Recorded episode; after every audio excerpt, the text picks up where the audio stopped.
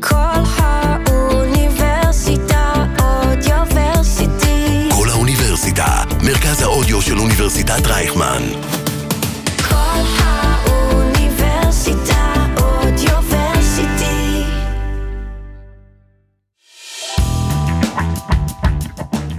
שלום למאזינים וברוכים הבאים לפרק נוסף של פודקאסט ההון סיכון. היום אנחנו נעשה עוד פרק כאן מהסיליקון וואלי ונארח אה, משקיע ומייסד של אה, קרן קצת מוזרה, קרן שיושבת פה בארצות הברית בסיליקון וואלי ומשקיעה בסטארט-אפים ישראלים. נצלול איתו לכל המעבר והדרך של סטארט-אפים מישראל לארצות הברית. למה כדאי לשים לב, איך בוחנים השקעה עוד לפני שהגיע לארצות הברית, ואיך המעבר מהסיליקון וואלי למרכז ארצות הברית ולטקסס השפיע על מודל ההשקעה שלהם. אז קדימה, ג'ינגל ונתחיל. הון סיכון, הון סיכון, מאחורי הקלעים של עולם ההשקעות בסטארט-אפים. עם נדב צור ורם בן ישי. גיל בן ארצי, שותף מייסד של קרן ההון סיכון אפווסט מהסיליקון וואלי, שלום לך. שלום שלום. אז אה, בוא נשמע קצת עליך, אה, איך אתה הגעת לעולם ההון סיכון, איך אתה הגעת להקים קרן, אה, אני יודע שאתה ושולי בכלל לא מגיעים מהתחום, וספר קצת על המסע שלכם. מעולה. אז קודם כל תודה שהזמנת אותי. קצת איך הגעתי לכאן, אז אני במקור כפר סבאי, עברתי לארה"ב, וואו, כבר לפני הרבה שנים, בשנת 2000 לעשות MBA בוורטון, ולאחר מכן עבדתי בחברת ייעוץ BCG בניו יורק. ב-2005 עברתי לעמק הסיליקון אה, להצטרף לקבוצת מיזוגים ורכישות של יאו. אה, בהיותי בקבוצה, אה, חלק קטן מהתפקיד שלי היה להיות איש הקשר עם ישראל, נסעתי לישראל פעם פעמיים בשנה, ראיתי הרבה סטארט-אפים ישראלים שהגיעו לסיליקון וואלי לשבוע שבועיים ולראות את הקשיים שלהם ולחדור לשוק, ולמעשה שולי ואני החלטנו לעזוב את העבודות שלנו ב-2011 ולהקים את אפווסט, וכמו שאתה אומר נכון, אה, לשנינו במצטבר היה ניסיון אה, של אפס בעולם ההשקעות למעשה, אה, לפחות ברמה האישית, לא השקענו אף פעם בחברה. יש לנו את הניסיון שלנו לי בקבוצת מיזוגים ורכישות והשקעות דרך יאו, ול, ולשולי מהעבודה שלה בגוף שהיא הקימה, שעזר לסטארט-אפים ישראלים לחתור ארה"ב, אבל באמת לא היה לנו ניסיון אה, אה, בעולם הון סיכון, ויותר מזה, לא יצאנו לדרך על מנת להקים אה, קרן הון סיכון. אה, זה היה יותר, בואו בוא נחשוב על איך אנחנו מקימים גוף שעוזר ליזמים ישראלים לחדור לארה"ב, נחשוב מה המודל העסקי הנכון, ויצא שדווקא המודל הון סיכון נראה לנו הכי מתאים לסיטואציה שהיינו בה ו- ולמה שרצינו לעשות. אז רגע, אז באמת אתם התחלתם כאפווסט לאבס, ואז זה, זה, זה, מה זה היה? זה התחיל כאקסלרטור ואז הפך למודל של קרן הון סיכון? מה... כן, אז, אז טכנית, אה, Upwest Labs ב-2011, סוף 2011, הוקמה כקרן הון סיכון. טכנית, אה, באמת כמו שאמרת, הוקמנו כמודל אקסלרטור, אה, Y Combinator ואחרים שהמציאו, פשוט באמת לקחנו את המודל העסקי שלהם, והפכנו, ושמרנו דברים שאהבנו, ושינינו דברים שחשבנו שיותר מתאימים למקרה שלנו. אז באמת, המ- המטרה הייתה אה, אה, אה, לעזור לאותם יזמים שהחליטו שאיתנו או בלעדינו הם באמת רוצים להיות בארצות הברית בימים הראשונים של החברה על מנת למצוא לקוחות, שותפ, שותפים, משקיעים וכן הלאה. אה, ואנחנו עזרנו להם בזה שהקרן והתוכנית האקסלרציה שהייתה ב-2012 אה, תמכה בהם. נתנו להם משרדים בפאלו אלטו לעבוד איתנו.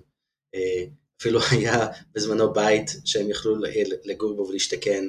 אה, והכי חשוב, הרבה זמן ותמיכה שלנו ושל האקוסיסטם סביבנו, לעזור להם למצוא product market fit, להגיע בעצם, בעצם לבנות המוצר הראשון עם הלקוח האמריקאי שאליו הם כיוונו. אז ועשינו את זה כמו שאמרתי במודל אקסלרטור, מגיעים לתקופה מסוימת, יש demo day, וככה למעשה התחלנו עם אפווסט, הקרן הראשונה שהוקמה ב-2012. אז בעצם השלבים שבהם אתם רואים את החברה, או בוא, בוא נאמר ראיתם, כי, כי ציינת למצוא את ה-product market fit. אה, אז, אז אני מבין מזה ש, שהסטארט-אפים שהגיעו לאקסלרטור הם סטארט-אפים שעדיין לא הבשילו, שעדיין לא היה, לא היה להם שום product market fit בישראל לצורך העניין? כן, הן חברות שלמעשה גם לרוב לא היה להם יותר מדי מדבר שנקרא מוצר, אה, וגם עד היום אנחנו משקיעים סופר מוקדם בחברות. אז למשל, אה, בשנים הראשונות, 2012-2013, יצא להשקיע בחברות כמו Sentinel One, אה, שהונפקה לפני חצי שנה, אז שהשקענו בהם בתום ואלמוג, הם היו שני יזמים שבדיוק התפטרו מהעבודה ולא היה בכלל כמעט שורות קוד, היה השקענו בהם כמה, ממש כמה שבועות אחרי שהם אה, אה, אה, התחילו את החברה, והם עברו לארה"ב, ולמעשה הפיילוטים הראשונים שלהם היה עם לקוחות אמריקאים, והמשקיעים שהם נחשפו, וכל האקוסיסטם שנחשפו היה פה ו-fast forward אה, כמעט עשר שנים, והם היו ההנפקת סייבר הכי גדולה אה, בהיסטוריה של נסדק ביוני 2021, אה, אז זה היה ממש כיף לראות את המסע שהם עברו עם השנים. הניבוק, עוד חברה שהשקענו באותה תקופה, שגם היא אה, התחילה בזה שהיא בנתה אה, מוצר לעסקים סופר קטנים, אבל המון דברים הם שינו, הצוות, אה, בעקבות זה שהם באמת התחככו עם השוק, הבינו מה הם רוצים, מה הם צריכים, והיום גם כן הם חברה בצמיחה די מסיבית. אז זה, למעשה איך שבנינו את הפואס ב-2012-2013, ואם תרצה לשמוע אני אספר איך השתנה, אבל חשוב לי לציין שהרבה ממה שתיארתי עכשיו לא השתנה, כלומר, החזון של לעזור ליזמים ישראלים להתחכך עם השוק האמריקאי בתחילת הדרך ולעזור להם אה, לבנות חברות גדולות עדיין, עדיין קיים. בוא נדבר רגע על תחילת הדרך. תחילת הדרך זה מושג די רחב. לדעתך, מהניסיון שלך, יש עדיפות או יש יתרון לסטארט-אפים שמ-day one התחילו פה אמ, והבינו את השוק האמריקאי ואת ה-product market fit לשוק האמריקאי או שדווקא עדיף להתחיל בישראל להבשיל ולהגיע לכאן? אין, אין דרך אחת. monday.com uh, התחילה, נשארה בישראל חברה מדהימה, Wix, Fiverr, לא, לא חסרים דוגמאות. Um, אני חושב שהיזמים צריכים לחשוב uh, איתם ביניהם, ביניהם עצמם, מה הדרך שהם מאמינים בה. ויש אה, מספיק הוכחות לכך שאתה יכול להישאר בארץ ולהצליח. אה, אנחנו מאמינים שיש הרבה ערך בלהיות מוקדם בשוק האמריקאי. אה, אם אתה עושה פיילוט או שניים בישראל יכול להיות שזה בסדר, אבל יש ערך בלהגיע לארה"ב, ויזמים שזה מה שהם שקללו והחליטו שהם רוצים לעשות, אז בהחלט ייתכן שאנחנו יכולים להיות משקיעים טובים עבורם. אבל לחלוטין אנחנו לא חושבים שאנחנו יודעים יותר טוב מהיזמים מה הם צריכים לעשות. אנחנו פשוט מכוונים לאלה שבאמת אה, רוצים להיות בארצות הברית בימים הראשונים. גם זה נורא תלוי בתחום, יש תחומים שאני חושב שאולי הרבה יותר חשוב להיות יותר מוקדם בארצות הברית מאשר מאוחר, למשל בתחום של דיג'יטל uh, הלת, כמו שאתה גם כן גר פה כבר איזה תקופה, אתה רואה שהמערכת הבריאות בארצות הברית מאוד שונה ממה שאנחנו מכירים בישראל ובשאר מקומות בעולם. מבחינת אה, איך אה, כל השחקנים ואיך הדינמיקות עובדת. אה, ואני חושב שממש בתחום הזה ספציפית שווה מאוד לגור ולחיות ולראות איך דברים עובדים פה בארצות הברית. ויש תחומים שאולי אולי לא, אולי אם אתה חברת Lightricks המצוינת בירושלים, אתה יכול לעשות את זה את אופטימיזציות לאפליקציה בשלט רחוק. monday הוכיחו גם כן דברים, אבל אני עדיין מאמין ש...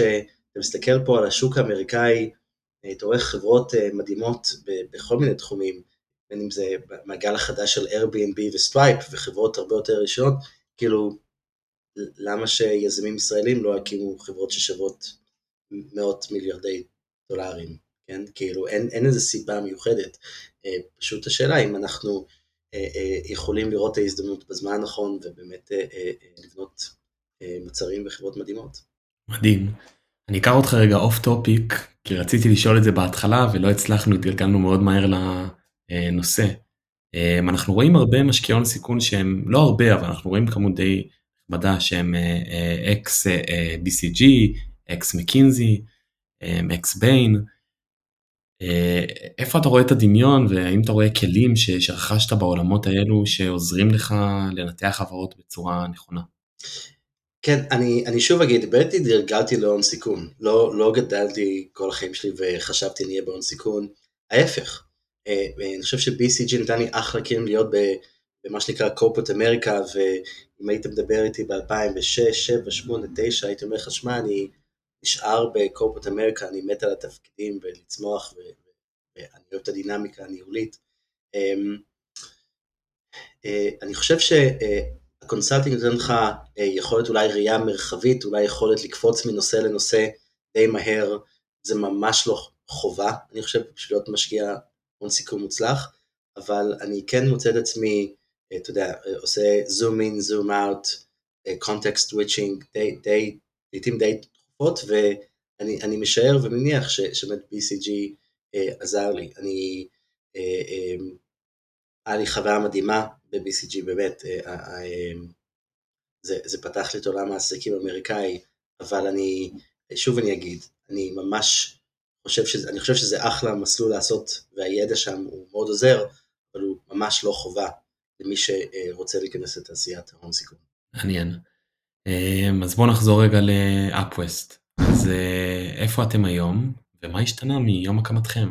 כן, אז, אז התחלנו עם קרנות קטנות, אתה יודע, אנחנו קוראים לקרן הראשונה והשנייה אפילו קונספט פאנס, אה, שגייסנו ומטרה היה להשקיע ביזמים ישראלים בתחילת דרכם, או שהם ישראלים שכבר גרים הברית, או שרוצים אה, להגיע לכאן בשלבים יחסית מוקדמים. אה, גם הקרן השנייה שגייסנו ב-2014 עשתה זאת. עכשיו, עם השנים באמת בשנת 2016-2017, באמת הבנו שיש דברים שאנחנו מאוד אוהבים במודל אקסלרטור ויש דברים שפחות. אז למשל, למה להגביל משהו לשלושה, ארבעה, חמישה חודשים? בואו בוא פשוט נמצא מודל שאנחנו עוזרים להם אה, לאורך הרבה שנים, כי זה בעצם מה שעשינו ב-2012-2013, לא נטשנו את החברות אחרי כמה חודשים, אז בואו נמצא מודל שקצת נותן לנו יותר פלקסיביליות. דמו דיי נחמד, אבל החברות שלנו מגייסות בעיקר מחוץ לדמו דיי, אז, אז למה להכריח אותם לעלות על במה. אמ, ובנוסף לזה, בואו בוא נגייס קצת יותר כסף כדי שיהיה לנו אפשרות להשקיע בחברות גם בשלבי המשך. אז המשכנו לגייס את הקרן השלישית והקרן הרביעית שגייסנו וסגרנו בסוף שנה שעברה, קרן של 70 מיליון דולר. מצד אחד אתה יכול להגיד, זה משתנה הרבה, כי עכשיו הצ'קים שלנו נעים מכמה מאות אלפים לכמה מיליונים, אנחנו מובילים או מובילים במשותף סבבים של pre-seed או seed, אמ, אבל אני נורא מאמין ששמרנו על הרבה מהצביון ומהסיבה שבגללה התחלנו את UpWest, שזה להמשיך להתמקד ולעזור ליזמים ישראלים, שאיתנו בלעדינו הם החליטו שהם רוצים שהפיתוח יהיה בארץ, אה, אבל שהמנכ"ל, marketing, sales, אה, יהיו אה, יחסית מהר בארצות הברית. אז אנחנו עדיין עושים את זה, עדיין משקיעים ביזמים שזה השאיפה שלהם. למה לקח לכם כל כך הרבה זמן לפתח את אסטרטגיית ה double down הזו? האמת התחלנו עם ה double down כבר ב-2014, אבל אה, רצינו, עם השנים רצינו לאפשר ליזמים טיפה יותר כסף בהתחלה. אה, אמ, וגם מה שראינו שאם בעבר היה הפרדה די מעניינת בין pre-seed ל-seed, מבחינת אוקיי, pre-seed באמת בתחילת הדרך ו-seed כבר יש לך יותר, היום ב-2022 זה לאו דווקא ככה. Uh, הרבה מהשקעות סיד שעשינו ליזמים אין יותר מדי, uh, יותר ממה שיש להשקעות פרי-סיד, פשוט אולי תחום שמתמקדים בו או הרקע של היזמים מצדיק השקעה יותר גדולה בשלבים הראשונים. ולא רצינו לפספס את אותן הזדמנויות. מה שאנחנו מתמקדים זה ממש להיות, כמעט תמיד אנחנו הצ'ק הראשון בחברה. ואנחנו רוצים להוביל את הסיבובים, אז גם ב HoneyBook ו SentinelOne וכל החברות שהשקענו בהתחלה, היינו לא רק הכסף הראשון, היינו בערך הכסף היחידי. לא נכנסנו לסיבוב עם עוד משקיעים אה, אה, והובלנו סיבוב, ונכנסנו כצ'ק קטן בסיבוב יותר גדול. הובלנו את אותה, אותו, אותו סיבוב, גם כשהוא היה קטן, אז אותו mindset, אותו חשיבה, מלווה אותנו עד היום למעשה, אה, פשוט עם צ'קים יותר גדולים. אז סיבובים של 5, 6, 7 מיליון דולר, אנחנו יודעים להוביל ולהביא משקיעים אחרים איתנו יחד עם קרנות ישראליות או קרנות אמריקאיות, אנחנו יכולים להצטרף לו לסיבובים ש, שאחרים מובילים, אמ, אז אה, אה, כל עוד אנחנו יכולים להיות אה, משקיע משמעותי בסיבוב. אז זה באמת הרבה מהדברים שבגללם הקמנו את הפווסט עדיין נכונים וקיימים היום. לא, לא גייסנו קרן גדולה מדי שאנחנו אומרים, טוב, נשקיע ב-Series A. לא, אנחנו כמעט תמיד עדיין הכסף הראשון. בואו נדבר על המקרים שאתם לא הכסף הראשון, ובסוף תפקיד של משקיע הון סיכון הוא אה, להעריך גם סיכונים. אה, ויש את הסיכון הזה אה, של משקיע הון סיכון בישראל, של איך השוק האמריקאי יקבל אה, את המוצר. אה, אתה חושב שמשקיע הון סיכון בישראל מעריכים נכון את הסיכון הזה? אם אתה אה, יודע או ראית חברות שאמרת product market fit בשוק האמריקאי לא יהיה, ובכל זאת קיבלו השקעה בישראל. יש משקיעים מדהימים בישראל, מה שנקרא באמריקאית some of my best friends, באמת, אני, אה, אה, לכבוד ולהשקיע איתם כל הזמן, הם יודעים להעריך את הסיכונים מצוין, הם גם מתמחים בתחומים, אה, בהמון תחומים, ואני מהרבה מהם לומד עד היום, ואני בטוח שאני ממשיך ללמוד גם בעתיד. אני חושב שמה שאנחנו מביאים לשולחן לפעמים זה, כשאנחנו עושים due diligence באמת על חברות, אז אנחנו מתקשרים לגופים פה בארצות הברית שיכולים לעזור לנו להעריך. אני לא, לא יודע אם זה יותר טוב, פחות טוב ממשקיעים אחרים, אבל אני חושב שזה בהחלט משהו שאנחנו מנסים להביא לשולחן. אני לא, אבל לרגע לא חושב שאני חושב שאנחנו יודעים להעריך סיכונים יותר טוב מקרנות בארץ. אני כן חושב שאנחנו מנסים להיכנס ממש מוקדם אה, בתחומים שאנחנו יודעים, מאמינים שאנחנו יכולים לעזור בהם. אנחנו לא, נגיד חלק מהתהליך due diligence זה לא רק, טוב בואו נדבר עם היזמים, איך אנחנו מעריכים אותם, בואו נחקור את השוק, מעולה, זה גם, אנחנו עושים due diligence על עצמנו. אנחנו שואלים את עצמנו, אוקיי, איך אנחנו עוזרים לחברה? היזמים עכשיו יגיעו לארה"ב, או, או בזמן קורונה יותר בשלט רחוק, אבל הם יגיעו לכאן מתישהו ויהיו פה, האם באמת אנחנו מכירים אנשים באקוסיסטם, מכירים חברות, אה, מכירים הרבה אנשים פה בארצות הברית, שאנחנו יכולים באמת לעזור לחברה, כי אה, אחרת, what's, what's the point, כן? אם אנחנו לא יכולים לעזור ליזמים, אז אה, אולי אנחנו לא המשקיעים הנכונים. בסוף אתה בא ו- ומגייס מ-LPs קרן שממוקדת בשוק הישראלי. עכשיו, השוק הישראלי הוא סיפור הצלחה גדול, אבל בסוף מדובר ביזמים שהם זרים, שמגיעים לפה, למדינה אחרת, אה, והרבה פעמים ניכר הפער התרבותי, פערי השפה. איפה אתה חושב שהקשיים של אה, סטארטאפיסטים ישראלים בהגעה לכאן, ומה ההיגיון באמת להשקיע במהגרים שיקימו סטארט-אפים במדינה זרה? שאלה מצוינת, אני בטוח שגם אתה ראית כמוני את המחקרים שמראים איזה אחוז גבוה מהחברות הייטק הוקמו על ידי מהגרים. כן, הדוגמאות הן אינסופיות, אני כבר לא זוכר בזה, זה, זה לא איזה 7 אחוז, זה עשרות רבות של אחוזים מהחברות הכי אייקוניות, אה, אה, יש להם פאונדרים לא אמריקאים, נקרא לזה זרים, אה, אז, אז אני חושב שזה בהחלט תופעה שהאקוסיסטם פה, הלקוחות, המשקיעים, מאוד מעריכים ושמים לב אליה. אני חושב שהתפקיד שלנו זה לעזור לאותם יזמים ישראלים באמת אה, אה, לשים את הדגש על, על היכולות החזקות שלהם, ולפעמים באמת אנחנו מתרגמים את מה שהם שומעים. לא שהם לא יודעים אנגלית, אלא אולי האמריקאיות, במיוחד פה בווסט קוסט, לעזור להם לתרגם מה, מה באמת הלקוח, מה באמת השותף, מה באמת המשקיע התכוון אה, אה, כשהיא או הוא אמרו משהו. אה, אבל המנטליות הישראלית, היוזמה, האיכות של האנשים היא מדהימה. גם יותר מזה, הם, היזמים שמגיעים כאן, יודע, הם, הם מסתכלים על, על זה כמו כל אתגר אחר, זה חלק מהחוויה, זה חלק מהמסע שיזמים עוברים. הם מגיעים ללא חת, אתה יודע, הם ממש, גם שולי, גם אני, אנחנו inspired by it, כן? כי הקושי הוא מאוד גדול. רוב היזמים שאנחנו משקיעים הם לא, אה, חלקם יזמים מאוד צעירים בשנות ה-20 המוקדמות, אבל הרוב עם בני בנות זוג, משפחות שמגיעים איתם לארה"ב. הקושי של כל יזם הוא מאוד גבוה, הקושי של כל יזם שמגיע לארה"ב עם משפחה וילדים אה, הוא עוד יותר גבוה. אה, אז אנחנו מנסים דרך הקהילה שבנינו פה בעמק הסיליקון ובשאר ארה"ב, יש לנו סטארט-אפים בכל ארה"ב, מערכת תמיכה שעוזרת להבין איך לעשות את זה נכון, איך לנחות, אה, איך שתהיה בעצם נחיתה רכה. הרבה מהדברים שהם אולי אתה לא חווה אם אתה בארץ, אז אתה חווה כשאתה מגיע לארה"ב. אז הרבה מהמשאבים שלנו, הרבה מהתמיכה של, ה, של, ה, של הקהילה שיצרנו פה, של הסטארט-אפים שלנו, היא לעזור ולתמוך אחד בשני. זה מעניין, סיפור המהגרים, ואתה מציין שבסוף אה, הסטארט-אפיסטים באים ועוברים ממשפחה הרבה פעמים, הם שמו הרבה יותר ויש להם איזה השקעה, שקועה או לא שקועה, שהם השקיעו. אה, והאם זה, זה פשוט כי הישראלים ייחודיים, כי יש להם תכונות אופי מסוימות, או כי הם פשוט עובדים יותר קשה מחבריהם האמריקאים?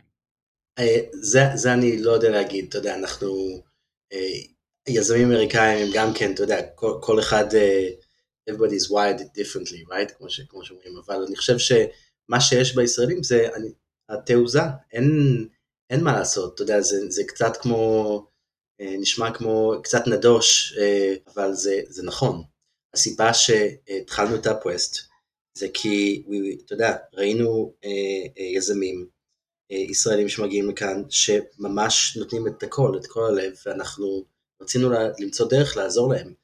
וזו הסיבה שהתפטרנו מהעבודה והקמנו את אפוס ואנחנו ממשיכים ונמשיך כי אנחנו עובדים עם יזמים מדהימים. אז אני לא יודע להשוות בינם אמריקאים, אני חושב שיש יזמים אמריקאים מדהימים, אבל היותי ישראלי והיות שולי ישראלית, אנחנו משקיעים ב, ב, ב, במקום שמאוד אכפת לנו. לגבי אה, שילוב של, אני אחזור על השאלה, אנחנו רואים לפעמים שילובים של אה, יזמים ישראלים ויזמים אמריקאים שהכירו באיזה ביזנס אה, סקול או משהו כזה. אתה חושב שהשילוב הזה של אה, צוות מייסד שהוא משולב הוא שילוב מנצח או לאו דווקא? ראינו מקרים ואפילו השקענו במקרים כאלה, בהחלט יכול להיות, כמו תמיד, אתה צריך לבחון איך פאונדרים מסתדרים, מה הרקע לשיתוף פעולה ביניהם, ראינו מקרים של יזמים שמכירים אחד שני מילדות וזה לא הסתדר. ראינו יזמים שהכירו לפני חצי שנה וזה הסתדר מצוין. לגבי, עוד שאלה לגבי הצוות, אמ, לגבי המעבר של חלק מהצוות, כלומר אנחנו רואים שילובים שחבר אה, או, או ה-COO אה, נשאר בארץ וה-CO נשאר פה, כלומר אה, איך אתה רואה את זה, האם הצוות המייסד צריך להיות ביחד או להתחיל לפחות ביחד ואז להתפצל?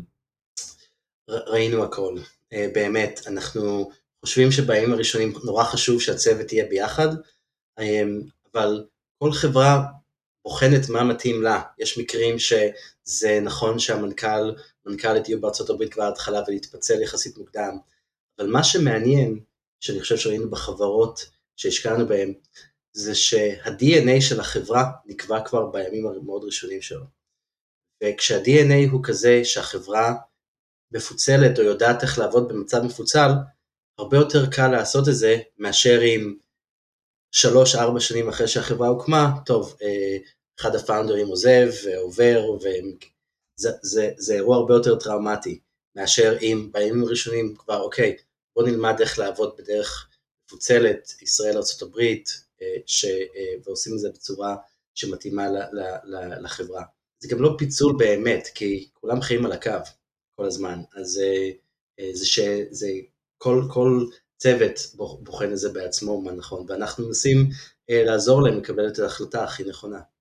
אחד מה, אתה יודע, value proposition של, של Upwest, בסוף החבר'ה, כמו שאמרת, פעם היה בית ממש, הם היו מגיעים אליו, ושם הם היו מתחילים את השלבים הראשונים.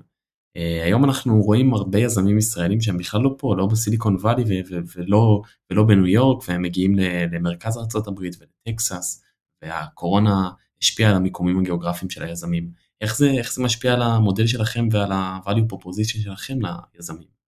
כן, אמ, אני חושב שבאופן כללי הדרך לבחור איפה להיות זה אתה רוצה להיות, אני חושב, יחסית קרוב ללקוחות הראשונים שלך, יחסית קרוב למשקיעים הראשונים שלך ויחסית קרוב למקום שאתה יכול לגייס עובדים אה, ראשונים. עכשיו, בעולם אה, פוסט קורונה, כל אחד צריך להאמין איך מתאים לו או לה לחברה שלהם ואיך דברים אה, ישתלבו.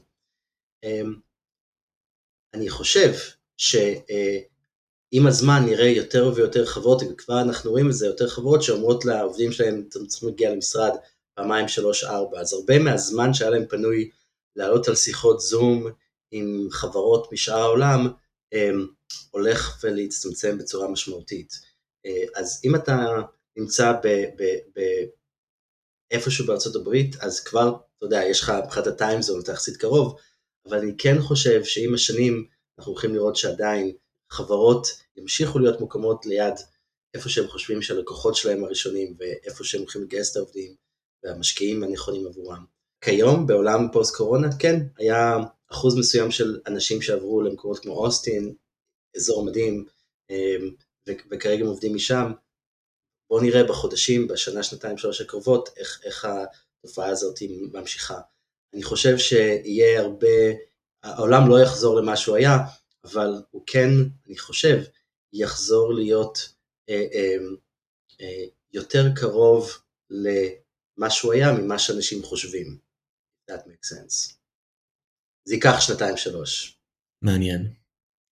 עכשיו אני, אני רוצה לכוון אה, למשקיעים שמאזינים לנו אה, ורואים אה, חברה ישראלית שיש לה product market fit מצוין בשוק הישראלי ואנחנו רואים את זה אה, לא מעט בעולמות ה-B2C ולפעמים גם בעולמות ה-SaaS והם עוד לא הגיעו, עוד לא ממש הגיעו לארצות הברית.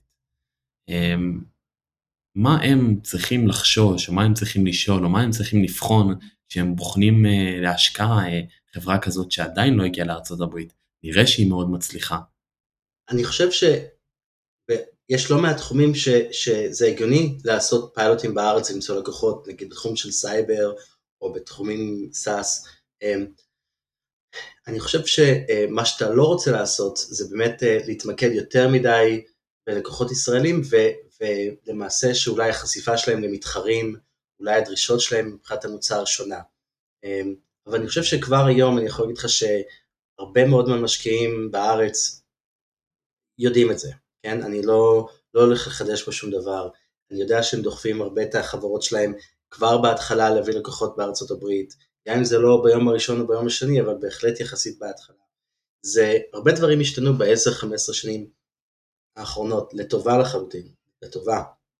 אז uh, uh, אני כן רואה הרבה משקיעים בארץ שעושים את זה. אני, אני אישית חושב שיפה uh, שעה אחת קודם. לא, לא ראיתי סטארט-אפ שהגיע לארה"ב מוקדם מדי. מה, מה זה בעצם מוקדם מדי? תשרוף את עצמך? מה זה אומר לשרוף את עצמך? לא באמת לשרוף את עצמך. זה, אה, אה, אז נכון, יש ערך בלעשות פיילוט או שתיים בישראל, לראות ש, ש, שאולי, אתה יודע, לא שבר, המוצר לא נשבר אולי בהתחלה, או שבאמת יש צורך ראשוני, אה, אבל כמה שיותר מהר לה, להביא לקוחות אמריקאים, אם אתה מכוון לשוק אמריקאי, חושב שיעזור לך למנוע טעויות שיהיו טעויות יקרות וייקח לא מעט זמן לתקן. מעניין מאוד.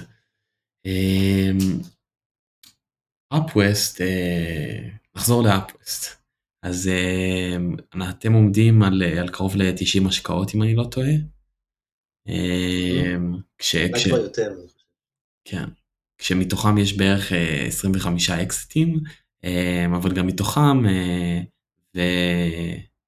והאמת שזה, שזה די, די טיפיקלי לקרן אה, בטח שכותבת צ'ק ראשון, גם הרבה חברות שנסגרו. אז אה, קצת על השאלה הזאת, כלומר, האם אתה רואה חברות שנסגרו ככישלון שלך, כי זה לא חברות שלא צמחו אה, ברמה שרצית או ברמה שציפית, וזה לא חברות שלא עשו את ה-100x, חברות שפשוט לא עשו. כן. אמ, אני, אני בהחלט רוצה לוודא שאנחנו אה, עוזרים לחברות לממש את, את החזון שלהם, אבל אתה יודע, אל תספר אף אחד, אבל לא כולם מצליחים, נכון? זאת אומרת, זה, יש הרבה מקרים שזה באמת לא עובד, אבל מה שלנו חשוב זה באמת אה, אה, לנסות לוודא שהיזמים שאנחנו משקיעים בהם הם אנשים שאנחנו רוצה להמשיך להשקיע בהם בעתיד, גם אם, גם אם ההזדמנות הזאת לא עובדת, ולראיה, אה, מתוך ההשקעות שעשינו בשנה האחרונה, שניים היו ביזמים שהשקענו בהם ב-2012. אחד הסטארט-אפים נסגר, אחד הסטארט-אפים נמכר, אבל נשארנו אותם בקשר והמשכנו, אה, והתמזל מזלנו והמשכנו להשקיע בהם גם במיזם החדש. אז בהחלט האם אני רואה את זה בתור כישלון אישי? אני, אתה יודע, זה, זה בהחלט אה, אה, עצוב, אבל אני חושב שיזמים שנכנסים אה, לעולם הסטארט-אפים, זה, זה, אה, זה מסע, ולפעמים המסע הזה הוא עם סטארט-אפ אחד, לפעמים המסע הזה הוא עם יותר מסטארט-אפ אחד, כי יזמות זה סוג של, אה, אה, אתה יודע, באג, right? זה כאילו, זה סוג של אה, משהו שברגע שנתפס בך, קשה לשחרר. ברמה האישית, אמרתי את זה בהתחלה, אני ב-2007, 2008, 2009, היית אומר לי, הייתי אומר לך, אני בקורפוט אמריקה, לא יודע, עתודה החדשה, אני מאוד נהנה. אבל כשהקמנו, שולי ואני, את הסטארט-אפ שנקרא UpWest, הבנתי שכנראה אני, אני אה, אה, לפחות עד כמה שאני יכול אה, להתמקד בזה, נוע- נועדתי להיות ביזמות, ביזמות UpWest הוא סטארט-אפ בעצמו, שנועד לעזור לסטארט-אפים אחרים, וזה מה שכיף לי מאוד לעשות.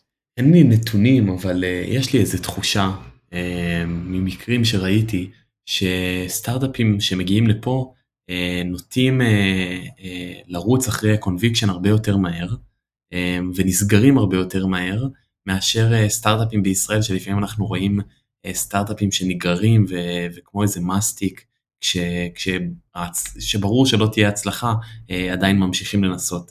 אתה, אתה מרגיש שזה, שזה נכון שפה uh, הטיימליין הוא הרבה הרבה יותר קצר? אני לא יודע להגיד את זה, האמת לא חשבתי על זה אף פעם, אני, אני חושב, אני לא, אין, אין לי מידע, אני, אני חושב שגם פה וגם שם זה יהיה בערך אותו דבר, אולי, אולי זה נכון, לא יודע. אמ, אני צריך להסתכל על זה, על קצת יותר נתונים. אה, אני לא יודע מה התשובה על זה. נקודה למחשבה. אנחנו מסיימים בשתי שאלות חוזרות. Um, השאלה הראשונה היא um, למשקיעים או לסטארט-אפיסטים שרוצים uh, uh, ללמוד על עולם ההון סיכון, יש לך המלצה לאיזה מקור מידע, איזה uh, בלוג, איזה צייצן, איזה um, ספר, uh, משהו שאתה ככה לומד ו- או למדת ממנו. אה, על עולם ההון סיכון, נכון. אה, אז הרבה על בשרי והרבה על בשרנו כי, אתה יודע, אה, עשינו הרבה טעויות, אבל אף אחד מהם כנראה מסתבר לא פטאליות עדיין, אבל אה, אני חושב שיש לא מעט דברים, אה, עוד מעט אתרים שאני אוהב לקרוא, אני חושב שאת אה, פרד ווילסון מ-Union Square Ventures, אה, אה, אה, את הבלוג Both Sides of the Table, הבלוג של סמיר קאג'י, Venture Unlocked, יש ל-Sapphire Ventures ניוזלטר עם לינקים לדברים שקשורים להון סיכון, שאני מקבל וקורא את רוב אם לא כל הכתבות שם. זה חלק מהדברים שעולים לראש, יש, יש לא מעט מאמרים ו, אה, ודברים, אה וכמובן אה, סדרת כתבות שמרק אנדריסן כתב לפני איזה 10 או 15 שנים, הוא שם אה, חולק את המשנה שלו על, על השקעות ואיך הם מסתכלים על הזדמנויות השקעה, גם כן סופר מעניין. ובכלל, אני עשר, אנחנו עשר שנים בזה עדיין מרגישים שאנחנו לומדים, למרות שצמחנו, ובאמת כיום יש לנו גם צוות בישראל, את אסף וליה, שהצטרפו לפני כמה שנים, אז אנחנו כצוות גדלנו, אבל אנחנו עדיין, אה, אני חושב שאנחנו אה, אה, stay pretty nimble, ואנחנו כולנו כצוות עדיין לומדים הרבה מאוד, אז אני, כל המקומות שאמרתי לך זה לא שקראתי בעבר וזהו, אני ממשיך לקרוא וממשיך ללמוד. מעניין. עכשיו שאלה טיפה פילוסופית. אה, מה אתה יודע שהוא אמת ומעטים מסכימים איתך על כך? שאני יודע שהוא אמת, נכון. אה, או שאתה מאמין שהוא אמת. אה, אני לא חושב ש... אני אגיד לך מה אני מאמין שהוא אמת, וזה קשור כמובן לאפווסט, אני לא חושב שמעטים מסכימים, אבל בכל זאת, ב-2009, 10, 11, כשחקרנו קצת את השוק בישראל, אמ, והחלטנו לה- לעזוב את העבודות ולהקים את אפווסט, דיברנו עם מאות יזמים. אני חושב שמה שגילינו אז, שבית הרבה מהם, הרבה מהם באמת רוצים להגיע לארה"ב בשלב המאוד מוקדם. אני חושב שגם היום, אתה מסתכל על אה, מה שקורה בארץ, שזה לא פחות ממדהים, וזה ממש כל כך כיף לראות עם כל החברות שמגייסות הרבה, הרבה, הרבה כסף והרבה עובדים עם מוצרים מדהימים. לא רוצה להגיד שמות כי אני אפספס פה, אה, אבל זה כאילו ממש, זה לא, ארבע חברות, זה ממש עשרות רבות של חברות, והאמת אני חושב שיש אה, אה, אה, הרבה מהם והרבה יזמים אחרים שעדיין, עדיין, עדיין מכוונים לארה"ב ורוצים להגיע מאוד מוקדם.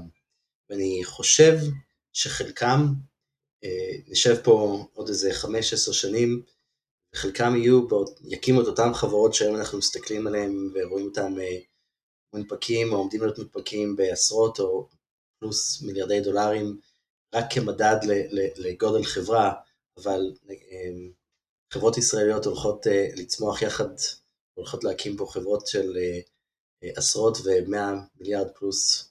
לא חושב שאני לבד חושב את זה, אני חושב שהרבה, לא מעט משקיעים שמאמינים בזה, אבל אני בהחלט לא יודע אם זה אמת, אבל אני, it's my personal belief, ואני מקווה ומאחל שהאפווסט יהיו חלק מזה, אבל גם אם לא, אה, אה, חשוב מאוד שהתעשייה אה, תצמח ותגדל, אני רואה, נכנסתי לתעשייה הזאת ב-2005, מ-2005 אני רואה את ההייטק בארץ, וזה מדהים. כל שנה אני אומר שזה הזמן הכי טוב להקים חברה, אם אתה יזם ישראלי זה עכשיו, אז אני ברצף של לפחות 15 אה, שנים שאני אומר כבר את המשפט הזה. זה רק שימשיך. גיל, מאוד שמחתי לארח אותך, מאוד שמחתי להאזין ולשמוע אותך. ונתראה בפאלו אלטו. בהחלט. תודה רבה על האירוח. תודה רבה. הון סיכון, מאחורי הקלעים של עולם ההשקעות בסטארט-אפים, עם נדב צור ורם בן ישי.